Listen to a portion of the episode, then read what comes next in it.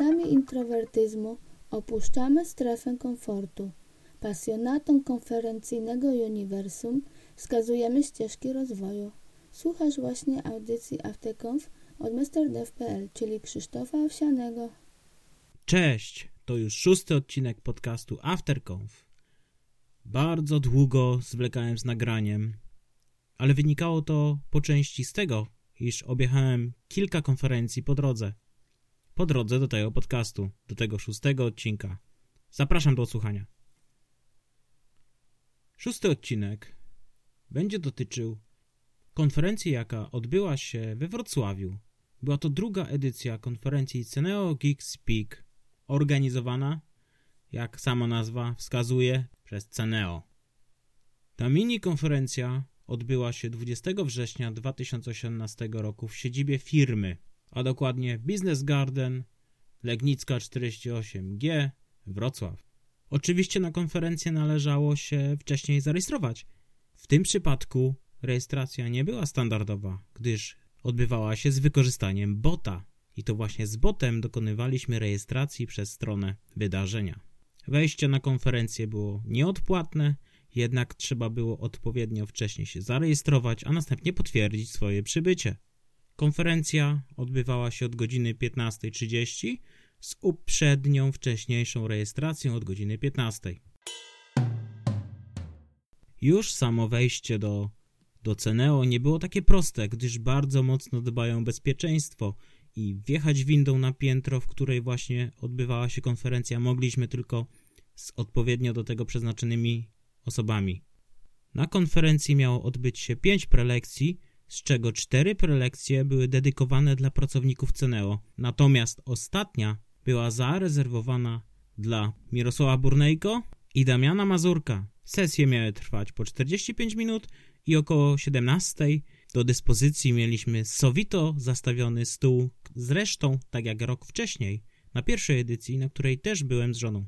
Na konferencji oczywiście udało mi się spotkać paru znajomych, a dokładniej Weronikę Tobor, Adriana Mularczyka, Radka Maziarkę, Dariusza Przygnata i Krzysztofa Krysiaka. I oczywiście Mirosława Burnejko wraz z jego kolegą Damianem. Z Mirasem to śmieszna sytuacja, gdyż tak naprawdę w tym miesiącu, we wrześniu, gdzie odbywała się konferencja, widzieliśmy się już trzeci raz. Najpierw na konferencji barbecue w Bielsku Białym, następnie podjechaliśmy do Poznania, do siedziby Beyonda, gdzie odbywały się Igrzyska Chmury, a dokładnie eliminacje, gdzie właśnie Mirek szalał pomiędzy uczestnikami.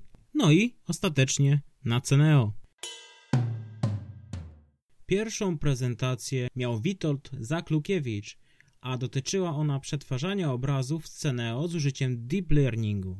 Witold przedstawił na wstępie zasady działania sieci neuronowych, w jaki sposób to implementowali w swoich rozwiązaniach. Wszystko wyjaśniał w bardzo przystępny sposób jako pasjonat fizyki i matematyki, jednak językiem zrozumiałym dla normalnych ludzi nie zajmujących się na co dzień przetwarzaniem sieci neuronowych. Wykorzystał do tego różnego rodzaju przenośnie, wyjaśniał sieci konwulsyjne, hitmapy. To właśnie ta rewolucja dokonała się ostatnimi czasy. Teraz coraz częściej słyszymy właśnie o deep learningu i o machine learningu, a to wszystko za sprawą GPU i ogromnych zbiorów danych, które możemy analizować. Jednym słowem, mamy czym i mamy co, trzeba tylko robić. Wspomniał także, że ten cały machine learning zaimplementowany w Ceneo jest wykorzystywany do wyszukiwania produktów. Przedstawiał także najpopularniejsze biblioteki, dzięki którym możemy implementować machine learning, deep learning w swoich rozwiązaniach. Na koniec oczywiście była sesja pytań, a jako że temat był dość interesujący, to kilka pytań też się pojawiło. Kolejną prezentację przeprowadził Marcin Skupień dotyczącą Dockera i po co mi te kontenery. Jak sama nazwa wskazuje, będziemy zahaczać o mikroserwisy. Mogliśmy m.in. usłyszeć, jakie są różnice między kontenerami a wirtualnymi maszynami, jak jest zbudowany kontener i oczywiście jakie są zalety stosowania kontenerów. Że mamy izolację, to samo środowisko uruchomieniowe, lekkość i wydajność. Podchodził troszkę do tego tematu inaczej niż wszyscy inni, mianowicie przedstawiał sposoby wykorzystania Dockera poza mikroserwisami. Przykład, przy testach integracyjnych wykonywane te testy były właśnie w kontenerach, testach UI-a z wykorzystaniem Selenium, a tak naprawdę Selenoida i oczywiście nawiązując do poprzedniej prezentacji w deep learningu. Pokazał ciekawy sposób na optymalizację budowania, czyli na powiedzmy odpowiednią hierarchię poleceń w samym Dockerfile'u. Bardzo prosty trik polegający na tym, że najpierw używamy CSProjów, następnie ściągamy paczki i dopiero potem przechodzimy do budowania. Tworzymy warstwę zawierającą już nuggety. Trzecia prezentacja należała do Michała Gumieniaka, a dotyczyła przygód programisty C-Sharpa w świecie Angulara. Omówił on tak naprawdę własną przygodę z Angularem. Jako programista backendowy miał przeprowadzić projekt frontendowy. Posiadali w zespole tylko jedną osobę, która coś kiedyś gdzieś pisała w TypeScriptie. Po krótkiej analizie obecnie wiodących frameworków frontendowych wybrali Angulara. Do programowania całej aplikacji wykorzystali Visual Studio Code, no i tak naprawdę podeszli do tego poprzez naukę podstaw i następnie rozwiązywanie kolejnych problemów, jakie napotykali przy implementacji nowej aplikacji. To, co w trakcie zauważyli, to że C Sharp i TypeScript są bardzo do siebie podobne. Spodobał im się też scaffolding w Angularze, czyli Angular CLI. Jak się okazało w trakcie rozwoju aplikacji, w Angularze wbudowane są RX, czyli Reactive Extension i tak naprawdę wszystko może być od teraz już strumieniem. Dzięki prezentacji mogliśmy się też dowiedzieć o wersji online'owej Visual Studio Code. I w kontekście Reactive Extensions Angular sam odsubskrybowuje subskrybentów, więc bardzo ważna i istotna informacja. Ale zapewne ci z Was, którzy używają Angulara, o takich rzeczach już wiedzą. Przed ostatnią prezentację miał przeprowadzić Dariusz Przygnat, założyciel grupy Serverless we Wrocławiu. A jego prezentacja miała dotyczyć alfabetu, czyli od A do F, faz w chmurze Azure. Na prezentacji mogliśmy zobaczyć, jak przeanalizować wydajność strony internetowej i właśnie w tym kontekście następnie przeszliśmy do usług chmurowych, czyli powiedzmy pewnej optymalizacji działania aplikacji internetowej. I ostatecznie, tak myślę, że najważniejszym z tej prezentacji było to, że mogliśmy dowiedzieć się, czy dowiedziałem się o czymś takim jak Durable Functions, o tym, że funkcje kontekście e, Azura miały dwie wersje, wersję V1 i V2 i V1 bazowała na wykorzystaniu .NET frameworka, V2 jest lepszym rozwiązaniem. A dokładniej, gdy korzystaliśmy z funkcji V1 i wywoływaliśmy funkcję z funkcji, to mieliśmy tak naprawdę sumaryczny czas pracy dwóch funkcji, a wiadomo, w chmurze to kosztuje. Natomiast w przypadku V2 już jest to lepiej rozwiązane i pomyślane i mamy pewnego rodzaju orkiestrację, gdzie wówczas, gdy funkcja czeka na wykonanie operacji przez podfunkcję, to ten czas już nie jest doliczany do naszego kosztu, czyli mamy optymalizację wydatków. Bardzo przydatna wiedza dotykająca naszych portfeli.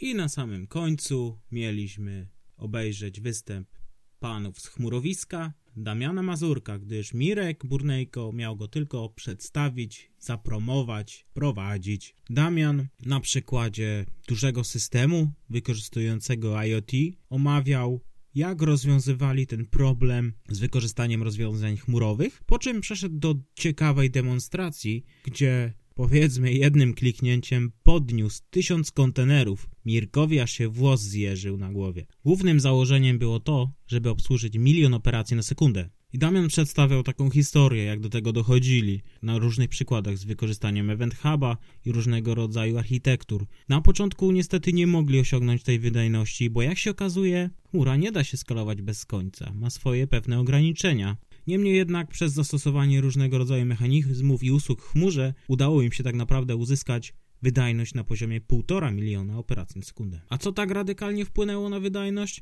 Używanie batchingu, czyli tak naprawdę grupowanie działań i przesyłanie ich dopiero w momencie, kiedy osiągną pewien poziom. Można by powiedzieć, że była to spektakularna y, prezentacja, biorąc pod uwagę te tysiąc kontenerów, które później troszkę chodziło mi po głowie.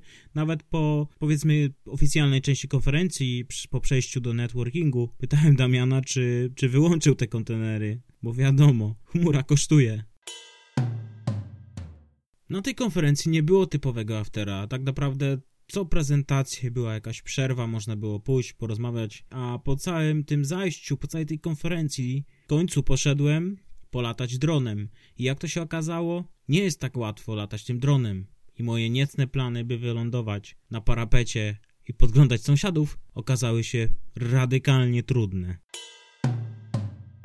Podsumowując całą konferencję, będąc drugi raz, no nie bez powodu wróciłem, konferencja mi się podobała, pomimo tego, że w głównej mierze prezentowali pracownicy Ceneo, ale wydaje mi się, że poniekąd był ich taki cel, żeby przyciągnąć potencjalnych deweloperów do, do siebie, przez to, że pokazują, że robią ciekawe i zaawansowane rzeczy tak naprawdę u siebie w Ceneo. Co rzuciło mi się w oczy, to wszyscy prelegenci z Ceneo byli dobrze przygotowani nie robili tak naprawdę dem na żywca. Wszystko mieli nagrane, wszystko mieli dobrze przygotowane. Jest to jedno z podejść, żeby nie robić dema na prezentacji, tylko je nagrać wcześniej i przećwiczyć, bo nigdy nie wiadomo, co tak naprawdę się zdarzy. Często spotykało się takie sytuacje, gdzie demo nie chciało działać na prezentacji, a tutaj mamy nagranie, tylko klikamy prezentera dalej, dalej, i lecimy. No niestety minus jest taki, że bardzo dobrze trzeba się przygotować do tego. A już teraz zapraszam Cię na kolejny odcinek mojego podcastu AfterConf, siódmy już. Będzie on dotyczył konferencji, jaka miała miejsce we Wrocławiu, a dokładniej SecFold. Będzie miała miejsce dwudniowa konferencja 26 i 7 listopada w Krakowie Cordamp.